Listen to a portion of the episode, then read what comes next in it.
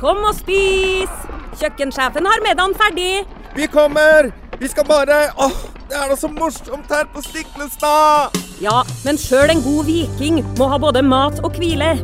Og dessuten kan dere nå være noen dager. Velkommen til Scandic Stiklestad.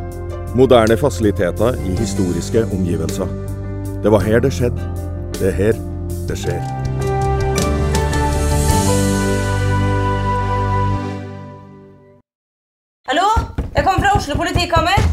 Ine Jansen er purk. Er du purk? The motherfucking bitch. Alt jeg vil, er å finne ut hva som skjedde med mannen min. Jon Carew. Er jeg sikta for noe? Iben Akeli. Det er du.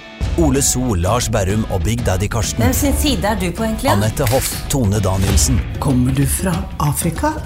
Jørnis Josef, Nesten. Kløfta. Trond Espen Seim, Det er synd å si det, men det var feil mann som døde. Purk. Premiere tirsdag på TV2 Play.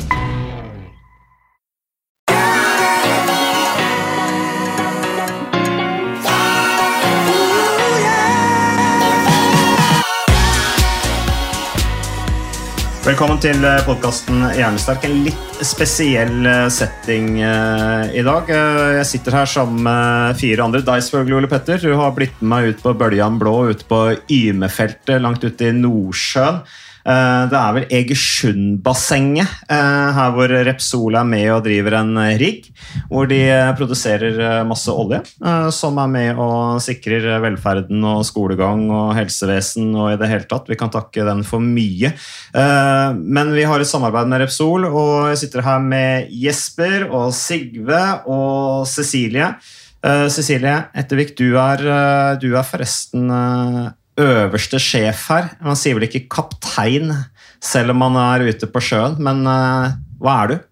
Jeg sitter som leder for drift av Yme-feltet. Vi opererte feltene i Repsol i Norge. Så eh, nå er jeg på besøk her, og tusen takk for eh, at dere tok turen ut til oss. Og at vi kan vise dere hva vi driver med. Det er veldig interessant å være her. Hva tenker du, Ole Petter? Du, eh, det er første gang du er vi var, Dette er andre turen vi er offshore. Eh, Vi syns det er veldig gøy å bli invitert eh, offshore for å snakke om eh, folkehelse og for å trene med, med de som jobber her. Hva, hva, hva tenker du om opplevelsen? Du har vært helt fantastisk. Min første sånn kjennskap til offshore den kom vel på slutten av 1990-tallet, for da begynte jeg å hoppe fallskjerm. Og um, veldig mange av de som begynner å hoppe fallskjerm, de blir jo lidenskapelig opptatt av fallskjerm, så de vil jo veldig gjerne hoppe mest mulig og passe på at jobben ikke kommer i veien for hobbyen deres. Og det jeg la merke til, var at det var en sånn overvekt av eh, offshorearbeidere som hoppa fallskjerm. For de hadde jo to uker på på jobb, og så hadde de fire uker fri. Og da reiste de ofte til Florida og hoppa fallskjerm. Så veldig mange av de jeg hoppa med, de, de jobbet offshore. Eh, Noe særlig mer enn det visste ikke jeg, annet enn at det, var en, det hørtes ut som en helt fantastisk løsning med to uker jobb og fire uker av. Um, og nå, nå er vi jo her, og jeg ser alle de som jobber her. Fy fader, for eh, for en gjeng, altså. Hvor det er hardt de jobber. Og det er lange skift, og det er tøft arbeid. Og, så det er ikke noe dans på roser, tror jeg, disse to, eh, to ukene de er på jobb. Og litt, sånn som du sa, jeg tror kanskje vi tar det litt for gitt, alt det som skjer her ute. Det er en viktig grunn til at vi kan vite fri skolegang når du går skader deg, havner på sykehus og ligger på sykehus en uke, og så betaler du 350 kroner i egenandel. Så er det bl.a. fordi det er noen som jobber her ute. eh, Og det har vært en vanvittig verdiskapning. Jeg tror det var estimert eh, verdiskapninger av petroleumsvirksomhet, altså olje, eh, i Norge siden oppstarten har vært 15 700 milliarder kroner. Som kommer, kommer oss alle til gode. Ja, vi har jo en del av Hvis vi deler oljefondet på hver eh, norsk innbygger, så blir jo det en del penger. Eh, Jesper og Sigve, dere har, eh, dere har kanskje jobbet her en stund. Jesper, du er fra Danmark. Eh, hvor lenge har du vært eh, offshore? Ja, jeg er fra Danmark. Jeg startede offshore i 2007 i, i Danmark, og så var, jeg, så var jeg heldig å komme i norsk sektor. Og der har jeg så vært siden 2018. Mm. Hvordan er, eh, livet, hvordan er livet offshore, eh, Jesper? Du som har eh, lang erfaring. Sigurd, du har vel enda lengre erfaring, for du har vært der siden 90-tallet? Ja, jeg har vært siden 1991, så det er jo passert 30 år. Og eh, offshorelivet er jo veldig Det er jo litt spesielt, da. En har på en måte eh, tilhørighet til, det, til de en jobber med. Ikke, ja, Kanskje ikke en ny familie, men, men uh, ganske nærme blir. Uh, så det, det, ja, det er litt spesielt. Men det er fritida. Uh, fire uker fri, den, den, teller mye, da. Mm. Ja. Hva tenker du om det, Jesper? Det her med, med at man er, er, tett på de to ukene du er på. Blir dere godt kjent? Er det det kollegiale miljøet? Hvor viktig er det? Ja, bestemt det øh, kollegiale miljø, det betyder mye. Øh, det er selvfølgelig ikke alle man har valgt å, å skulle være sammen med i 14 dage. Det er jo gitt ut av, af de hold, er sat sammen. Om ikke annet så har man jo en holdning til at man skal få det til å gli. At vi har et godt humør og en god tone. Mm. Mm. Cecilie, eh, har jo, vi har jo et samarbeid nå i tre år. For tre år siden så starta dere det her eh, som dere kaller Repsol Tour of You. Eh, hvor vi vant oss aktiv og hjernesterk med, med Ole Petter og meg er med og setter i system og hjelper dere å ha litt struktur på det. Starta onshore, altså de som var på land, landkrabbene i Stavanger. Og så har man tatt det ut offshore. Eh, hva er din tanke med å, å ta det ut, ut i Nordsjøen de, for de som jobber her? Nei, Som du sier, så, så starta vi jo 2020, tilbake i 2020 på, på, land, oss på land. Der vi, vi, så litt av gevinsten med å, å, bygge team på land. Og litt av dette med å konkurranse og bygge, bygge team gjennom fysisk helse og fysisk aktivitet. Og være i bevegelse. Og det er jo noe med oss uh, uansett med dette med konkurranseinstinkt å være en del av et team og, og, og, og, bidra der. Så det gjorde at når vi fikk starta Ymfeltet, så var det ok, hva gjør vi nå for å bygge gode team her ute? Så hvorfor ikke ta dette da ut i havet? Og viktigheten med å, å ha fysisk helse her nord, eh, spesielt her ute i, i Nordsjøen, med tanke på de arbeidsoppgavene som er risikofylte er viktig å ha god mental helse. Så Derfor bygde vi da eh, både team gjennom eh, og oppgaver og med fysisk trening, fokus på trening, aktivitet, være i bevegelse, rett og slett. Og ikke minst å bygge team og være del av et lag.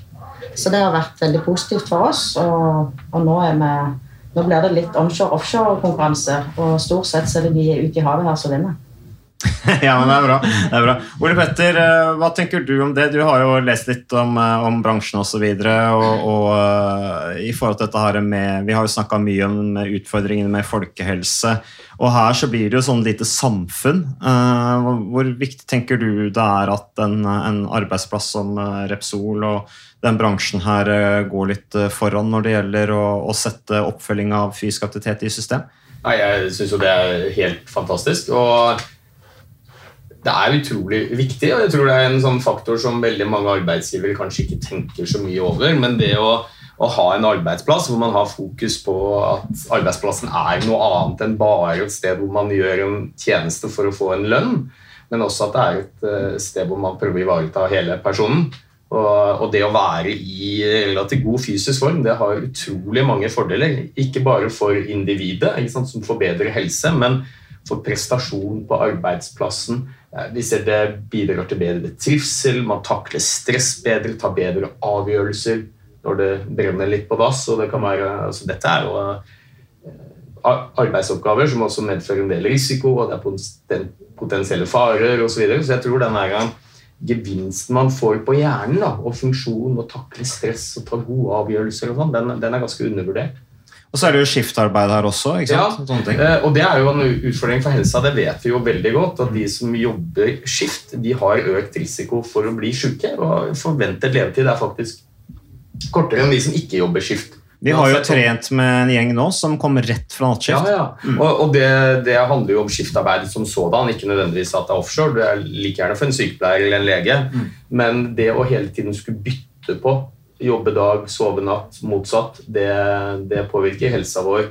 Eh, og da det har jeg fått en del spørsmål om. Hvordan skal man da orke å trene sånn, når man er sliten og man bytter døgn og, eller bytter eh, turnus og sånt. Og det pleier å si at det er jo ganske mange elementer som helsa vår altså, som styrer helsa vår. Noen sånne pilarer da, for god helse. Søvn er jo en av dem. Trening er en annen. Og det er jo veldig mange som spør om spør meg og sier Nei, men nå, nå, er jeg så trøtt, da er det vel ikke noe poeng å trene. Jeg har sovet litt for lite, da bør jeg kanskje ikke trene heller. Og det er ganske naturlig å tenke, for du er trøtt, og da øh, tenker du kanskje at det ikke er bra for kroppen å trene. Jeg, jeg, jeg ville jo sagt motsatt. Eh, har, du, har du ikke sovet nok, så blir det jo bare enda verre hvis du skal kutte ut treningen også. Som, eh, som er viktig for helsa. Så eh, gjerne, gjerne begge deler. Men eh, vi vet i alle fall at hvis du er i relativt god fysisk form da, og trener litt, så er det lettere å takle disse byttene fra å jobbe dag til å jobbe natt og bytte igjen. Eh, og du kansellerer litt av de uheldige effektene på helsa ved å jobbe turnus hvis du trener. Mm, mm. Sigve og, eh, Jesper, eh, dere som har vært lenge her, det er jo Du snakket jo om det, Jesper. Fire uker fri, to uker på jobb. Og så er det veldig intenst sikkert når man er her ute i to uker. Eh, Hvordan er Eh, hvordan er opplevelsen deres av, eh, av hvor, hvor, Hvordan motiverer dere dere til å, å holde vanene ved like når det gjelder fysioterapi? For begge dere er jo fysisk aktive. Hvordan holder dere dere i form? Ja, altså for min del med mitt, øh, min, mit job herude, det er jo egentlig å sidde stille på en stol i, i et skift, som er 12 timer. Så jeg, jeg tvinger meg selv i, i mosjonsrommet for å løpe for det meste. For å, at føle at jeg overlever. Ja, Så du sitter tolv timer, har en stillesittende arbeid. og Her er det jo litt forskjellig, for noen er jo ganske fysiaktive. Mye ute og går opp og ned på trapper og riggen og sånne ting. Men din holdning er da at fordi du sitter så mye, så må du også legge inn en treningsøkt. Eller så som du sier, brukte uttrykk i går, eller så dør du. Ja, Ja. blir simpelthen nødt til det. For, Jo, men Det der er jo et veldig, veldig godt poeng, og det der støttes jo av den forskningen som gjøres også. Nå har jo eh, akkurat kommet en sånn ny kartlegging av eh, aktivitetsnivået til nordmenn. Og, og der, eh, Vi har jo noen anbefalinger som er sånn 150 minutter i uka med moderat intensitet. Det er anbefalingene for fysisk aktivitet, for helsas skyld. Med mindre du er en av dem som sitter stille mer enn åtte timer i døgnet. Da er anbefalingene 300 minutter. Altså Underforstått at eh, det er viktigere å være i fysisk aktivitet selvfølgelig hvis du har mye stillesitting på jobben. Og Det er du da et godt eksempel på at du har tatt konsekvensen av. Du sitter mye stille på jobb, mer enn åtte timer i døgnet. Tolv, kanskje? ja, det blir jo, jeg går jo øh, fra kammeret om morgenen over i kontrollrommet. Ja. så går jeg inn og spiser til middag. Og det er jo stort sett den mosjonen jeg får, så det er veldig Ja, jo, jo, men Det er jo et veldig viktig poeng. Jo mer stillesitting du har på jobben, jo viktigere er det for helsa å få bevege seg litt. Har du da en fast rutine, Jesper? Sånn eh, at du rett etter skiftet, eller, eller hvordan får du det til å Hvordan klarer du å motivere deg til å få trent eh, når du har vært en lang, eh, et langt skift på jobb og er sliten? Jeg har intensjon om å komme i gymmen hver dag, Ja. Og når jeg, øh, når jeg har endt mit skift, så, eller de 14 dage, der har jeg måske været nede anden hver dag. Så det er, jeg, jeg tvinger mig ned, men det er, når man er sliten, når man har skifter fra nat til dag, der, der er man zombie, og der kan man godt falde i og Ja, tage sengen i stedet for. ja, og Da er det kanskje viktig å ha en plan. Ja, det er det. Ellers Ja. så kommer man ikke derned. Men når du reiser hjem, hvordan, eh, hvordan vedlikeholder du treninga da? Da er sikkert dagene dine ganske annerledes hjemme de fire ukene du er hjemme, sammenlignet med her på Riggen. Ja, når jeg er hjemme, så er jeg aktiv med, med, med mange ting, så alene at du er aktiv hele dagen, der er det jo en helt annen situation. Men trener du når du er hjemme i Danmark eh, etter å ha vært her ute i Nordsjø nå, eller er det mer sånn type aktivitet, hverdagsaktivitet som holder deg i gang da? At du trener når du er her ute, og så er du eh, aktiv på en annen måte når du er hjemme? Ja, ja det er mer, jeg trener ikke så mye hjemme, det er mer uh, almindelig, vanlig aktivitet, og også uh, lange gåture Mm. på kvelden og sånn. Som jo er fantastisk mosjon. Ja, Mm. det er det. Faktisk. Og Sigve, hva med deg? Eh, Du, du har en litt annen type jobb, eller har du ca. samme type jobb stillesittende, eller har du aktiv jobb? Mm, Ja, for min del så blir det litt mer aktiv, aktiv jobb. Eh, eh, ganske mye trappe, trappegåing, og jeg, jeg pleier å si å gå i trapper, det er gratis, så, så det får jeg den mosjonen med å heller velge i trapp i stedet for f.eks. ta heisen. Men eh, å gå i trimrom eh, da når vi går av vakt, det, det kan være veldig tungt eh, å finne den der rette motivasjonen. Og det er merkelige greier, men det er akkurat så Hvis jeg ikke går ned første skiftet etter vi kom om bord, så har det lett for å bli at det, det blir ikke den turen. Det er sånn et eller annet ja. ja. Så du må rett og slett få en god start? Du må starte med én gang? Ja, på en måte. Ja. ja. Men det der tror jeg veldig mange kjenner seg igjen i. Jeg snakker med mange som f.eks. reiser på ferie.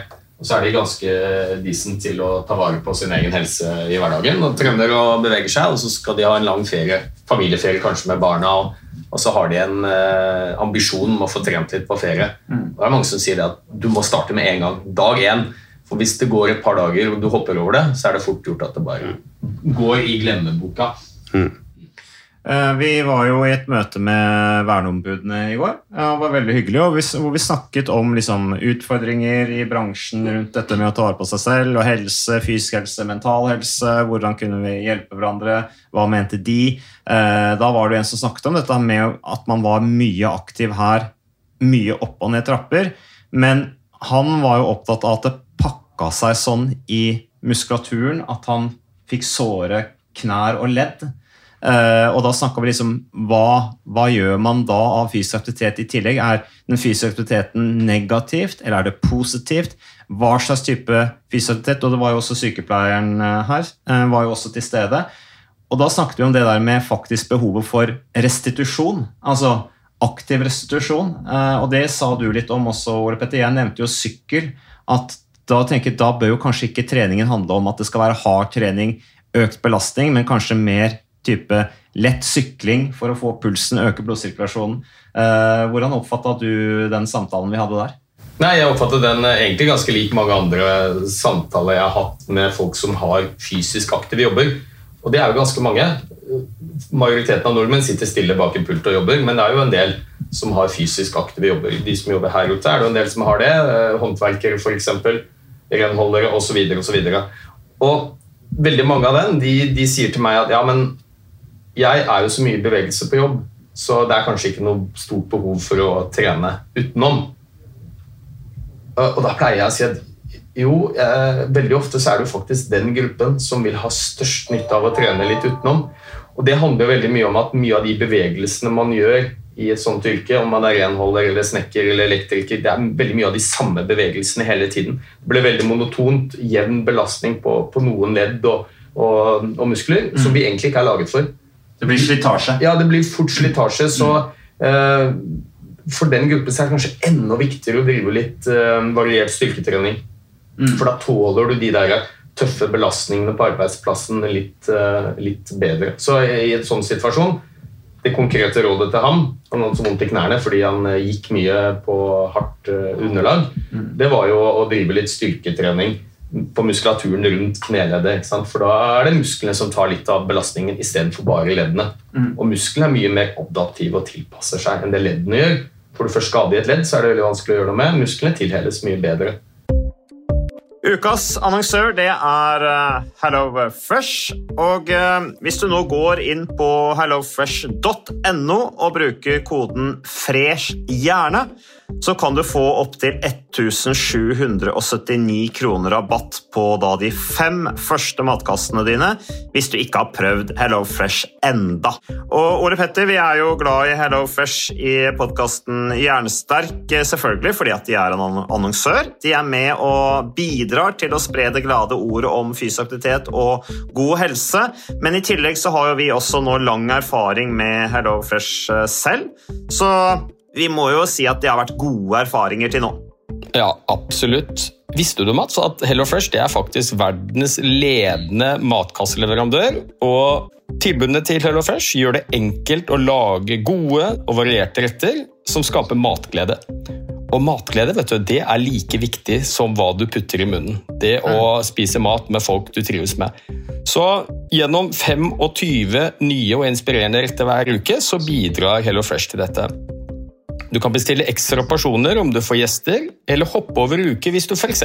skal bort. Mm. Og Det er ingen bindingstid, og du velger leveringstidspunkt og dag selv, så leverer Hello Fresh matkassen din akkurat når det passer deg.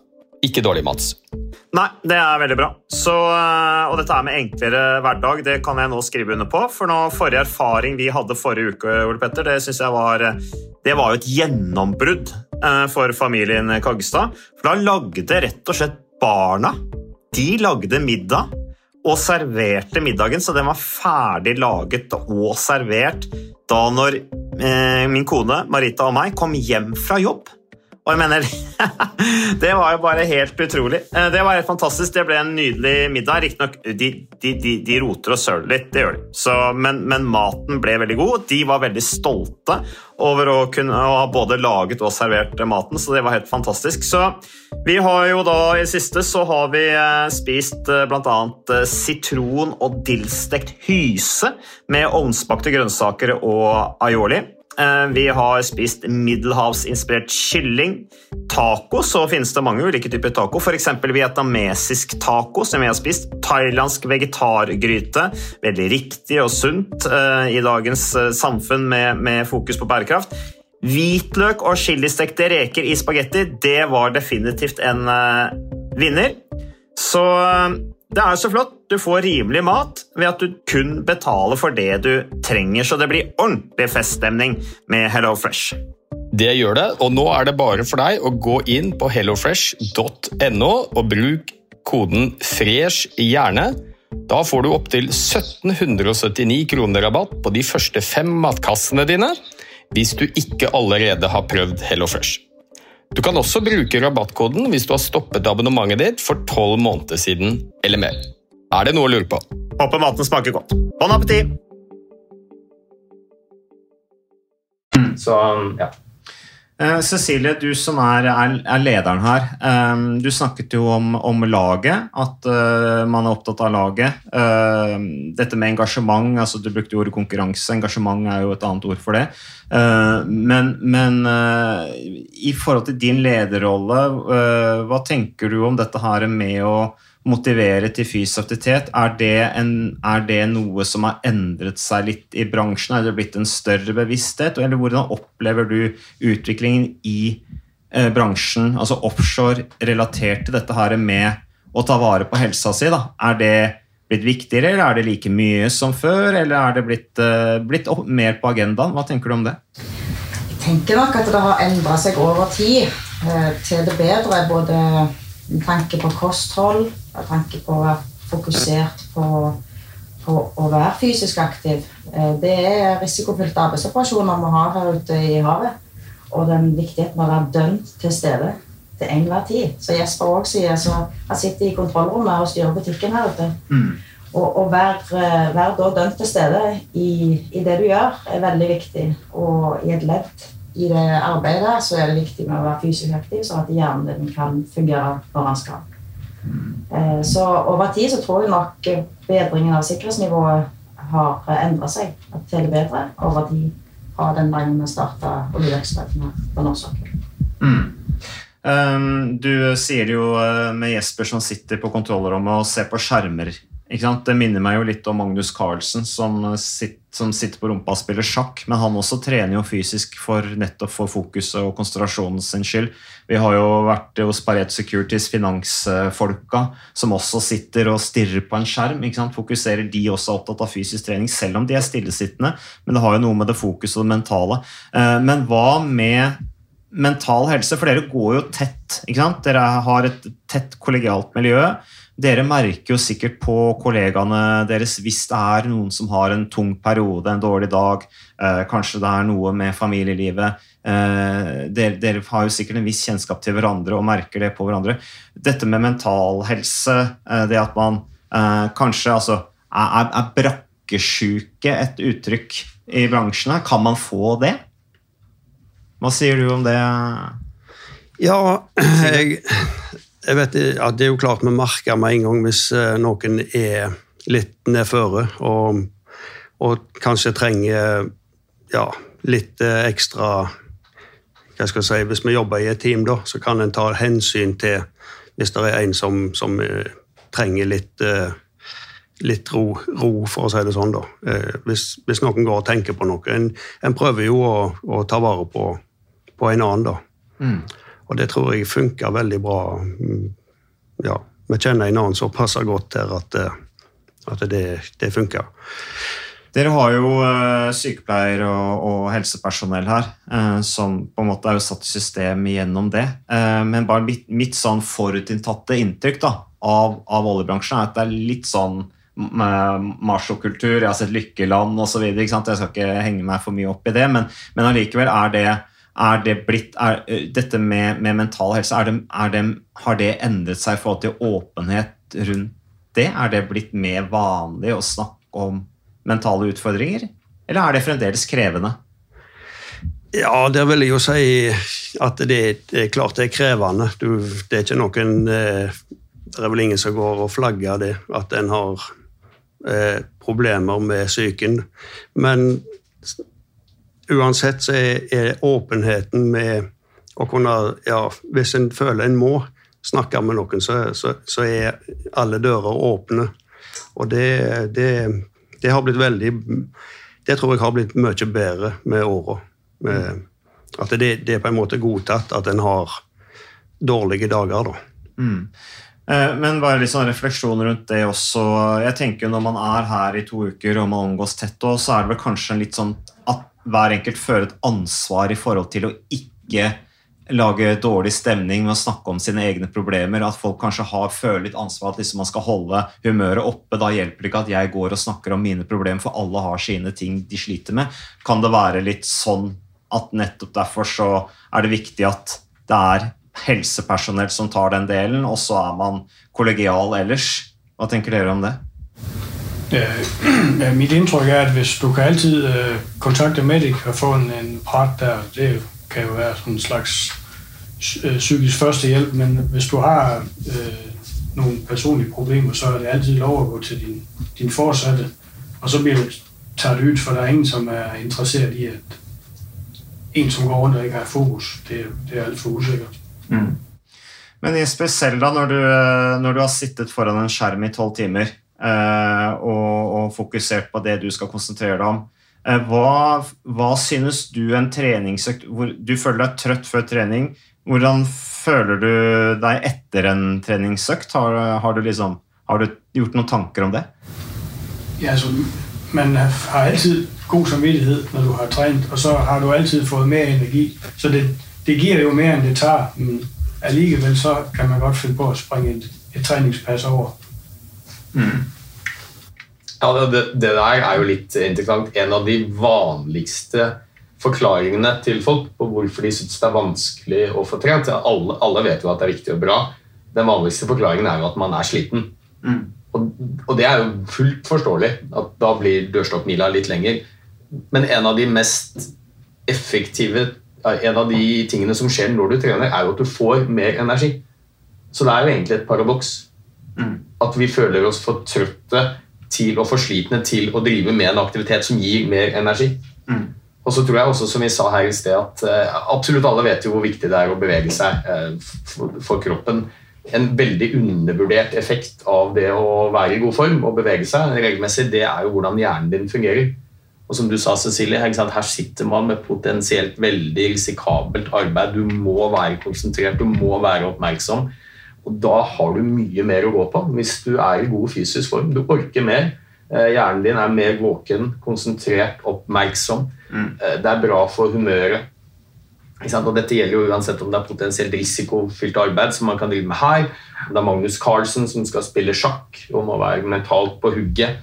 Eller om det er disse aksjemeglerne hos Pareto Securities. ikke sant? Mm. Eh, og det er jo litt interessant noen studier som bekrefter dette veldig godt. I USA har de gjort en studie med arbeidere, jeg er litt usikker på om det var oljebransjen, men i alle fall arbeidere som driver med potensielt risikofylt arbeid. Og, det de så, var jo at det var en sammenheng mellom oksygenopptaket til de ansatte og risikoen for å gjøre feil. Altså sagt veldig enkelt, Jo bedre kondis du hadde, jo mindre sannsynlighet var det for at det skjedde ulykker på arbeidsplassen. Sannsynligvis fordi du har en mental ekstra buffer. Du er mer våken, konsentrert og oppmerksom. Bedre til å vurdere risikoen ved atferden din. Du takler stress bedre. En viktig grunn til at man gjør feil på arbeidsplassen, uansett hvilken bransje, det er jo stress. Man blir stressa, mm. og så skjer det et eller annet, og så baller det på seg. Mm. Og, og, du takler stresset bedre hvis du er i god fysisk form. Mm. Så Jeg syns det nesten er litt rart at ikke arbeidsplasser generelt Repsol er jo et veldig hederlig unntak, men har mer fokus på akkurat dette her, at de ansatte faktisk skal ivareta sin egen fysiske form. Ikke bare for sin egen del, men for bedriftens del også. Mm. Uh, Cecilie, uh, igjen tilbake til din lederrolle. da. Uh, det, er jo, det er jo noe med, det er jo ikke alle ledere som er like bevisst dette med, med helhet. Er jo, dere er jo opptatt av kultur. I, I, det med å bygge lag så ligger jo nettopp kulturbegrepet, summen av atferd og holdning i, i laget. Eh, hvor, altså, hva tenker du om eh, kulturen i forhold til det å stimulere til fysioaktivitet? Eh, er det noe man bør etterstrebe, å skape en sånn kultur som stimulerer til fysioaktivitet? I hvilken grad kan det kollegiale miljøet bidra til at folk blir mer bevisst, for andre holdninger, blir motivert til fysioaktivitet, tenker du? Nei, Først og fremst så, så tenker jeg det å, øh, å ha en kultur der du har fokus på et høyt sikkerhetsnivå, er det viktigste for oss. Og, og i den forbindelse, som er et ledd for å forebygge ulykker og her ute, så er det det at du kan jobbe sammen i team, og der de har eh, god mental helse, jobbe sammen å bygge, være en del av et, eh, et godt kollegial eh, der folk eh, er åpne med hverandre, kan bidra til at vi kan opprettholde det sikkerhetsnivået. Mm. Så, så, jeg tror det er veldig viktig å, å fortsette det arbeidet. For det å, å, kunne føle at du er en del av noe, vil òg hjelpe til at vi kan opprettholde det sikkerhetsnivået. Mm. Eh, det er jo noe av det jeg har virkelig bitt meg merke til etter at eh, jeg fikk mer kjennskap til den bransjen, her, særlig gjennom sikkerhetskurs og ut her offshore. Det er jo den ekstreme disiplinen på, på sikkerhet, eh, som jo krever nettopp at man har en sterk kultur og et sterkt kollegialt miljø. For hvis det, er, hvis det blir en ukultur, så sklir jo det da veldig fort ut. Så kulturbegrepet i, i offshore er jo ekstremt viktig i og med at det er såpass eh, høy, høy, eh, høyt fokus på, på, på, sikkerhet. Eh, men vi tenkte vi skulle gi oss noe snart. Men hva er deres tips til f.eks. unge folk som ser for seg en framtid offshore, som, eller som kanskje har nettopp begynt å jobbe offshore? Og, og i forhold til arbeidsbelastning, i forhold til å takle det, i forhold til skifter mellom hjem og ut offshore osv. Har dere noen generelle råd til unge mennesker i dag som, som søker eh, arbeid offshore? Ja eh, Det vet jeg ikke helt hva jeg skal si, men eh, en må jo få det til å fungere både hjemme og når en er på jobb. Så det, det er viktig at eh, eh, Ja, det er det viktigste av alt, at en kan slappe av når en er ute og vite at de der hjemme, de, de klarer det. Eh, på en måte. Mm. En må være, eh, så, som vi snakker om, sikkerhetsmessig dønn til stede her ute. Og, og, det kan bli vanskelig hvis det er, hvis det er problemer hjemme med, med ting. Så det, det er iallfall en viktig ting at en har tenkt igjennom hvordan en lever mm, hjemme før en planlegger en offshorejobb. Og ja, ellers så jeg vet ikke til Jesper om du Nei, jeg vil, jeg vil gerne anbefale et offshore-jobb hvis man kunne ha lyst, fordi at, at noe av det beste ved jobbet det er at hvis kan det være stressende i to uker, men når du tar herfra, så er det andre som har din plass. Og der kan du leve stressløst i forhold til et jobb, i hvert fall. Det er jo så fire uker, så det, det kan jeg anbefale. Det høres ut som et uh, veldig godt poeng. Jo, for det, er, for det er jo veldig mange som har fri i anførselstegn, altså de er av jobb, men allikevel så er det en del arbeidsoppgaver de går rundt og kverner på som de burde ha gjort svart på e-poster, følge opp. Så man har egentlig aldri fri. Um, og jeg må jo si Mitt første møte med offshore var at det der høres jo helt fantastisk lukrativt ut. Jobbe to uker, fire uker av. Men jeg må jo si at jeg har fått et litt annet syn på det nå når jeg har vært her. Uh, så jeg kunne godt tenke meg at en av dem, kanskje deg, Sigve, kan ikke du fortelle hvordan en vanlig arbeidsdag er, altså en vanlig arbeidsdag på plattformen? Ja, det er Altså, den begynner jo Vi begynner klokka sju på, på jobb, da. Eh, da har vi jo eh, jobb fram til Ja. Vi har matpauser, kaffepauser, eh, selvfølgelig. Eh, og ja Tida den går jo veldig fort her, det, det gjør han. Men eh, det, er, det er veldig rutine, rutinepreg da, over, over, dagen. Det er liksom faste måltider, det er faste pauser. det er Men du starter klokka sju? Vi starter klokka sju, og så får vi ja, kaffepause klokka ni, og middag klokka tolv. Nye kaffe klokka tre, og så går vi av vakt klokka sju. Klokka sju. Ja. Og da går du og legger deg? Ja, eller da, da ja, kan en slappe av litt. Grann, og om en vil trene da, eller om en kanskje finner det litt tungt, så kan en stå opp litt før. Trimrommet er jo alltid åpent, så Eller om en tar en tur ut på helidekk og går en runde der. Det er alltid, ja, etter sånn. Og så begynner du på med neste morgen klokka sju. Ja, og når er det dere bytter? Hvor ofte bytter dere mellom å jobbe dag og jobbe natt? Ja, den eh, for vår del som, som jobber nattskift eh, Vi har jo ei uke når vi kommer om bord på nattskift. Og så snur vi eh, en sånn brekkskift som vi kaller det midt i turen. Ja. Der det blir noen eh, timer som vi ikke er helt til stede, ganske trøtte og har lyst til å ja, bare gå og legge oss, for så vidt. En føler seg ikke helt i toppform. Men samtidig så er det en, en, et sånn brekkpunkt midt i turen, så er, da har en ei uke igjen og nedoverbakke før, en skal hjem. Ja, ja, og så er du ikke på PGR, dette er ikke mandag til fredag. Tolvtimersvakter. uh, vakter. Dette er hver dag. Det er hver dag. Det er... Og, og, dere kan ikke bestemme turnusen dere selv når dere skal ut. og sånn, så Plutselig så er det julaften, og det kan være nyttårsaften og påskeaften. Og... Det stemmer. Ja. Det, det, kan være ja, alt mulig. Så Men ja. Det er sånn det er. Det er sånn det Ja. ja. Mm.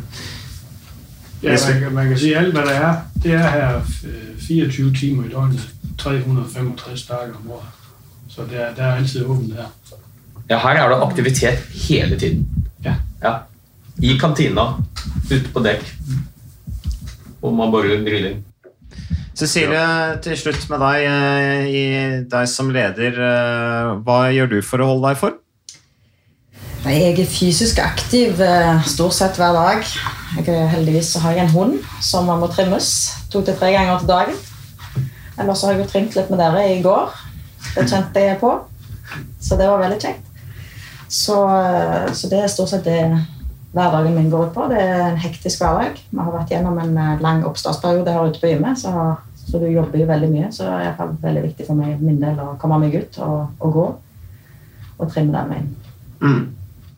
Tenker Vi sier uh, tusen takk for at dere stilte opp på podkasten uh, Hjernesterk. Takk for at vi fikk komme ut hit til uh, Yme-feltet og snakke med dere og lære om, om bransjen. Og også at dere deler erfaringene deres her på podkasten. At vi fikk trent sammen, ikke minst. Vi har jo vært der ute to dager nå Petter, og fått trent eh, begge dager, så det er vi fornøyd med. Eh, du har fått snakket eh, litt om folkehelse og jeg har fått snakket litt om lag, og det er gøy å se at de, de følger opp fysisk at det er med på, på, på agendaen. Um, så vi er tilbake med mer podkasten Jernsterk neste uke. Uh, takker til samarbeidspartnere, takker til de som lytter. Er det noe du vil avslutte med, Petter? Du ser litt sånn usikker ut. Nei da, nei da. jeg, jeg syns det har vært helt fantastisk å være ute. Og disse treningsøktene, det er få økter jeg blir så støl av. Ja. Forrige gang vi var her, så måtte jeg gå baklengs ned trapper en hel uke. Ja, Men det var du som leda økta, så ikke, du, ja, kan du, ikke, med, du, kan ikke, klage. Det var absolutt, nei, jeg klager ikke. Det var min egen feil. Og det, det, smerten etter man har trent, det er jo bare en belønning. Liksom deilig. Ja, Det er musklene som sier fra at nå er det for lenge siden sist. Ja. Tusen takk for oss.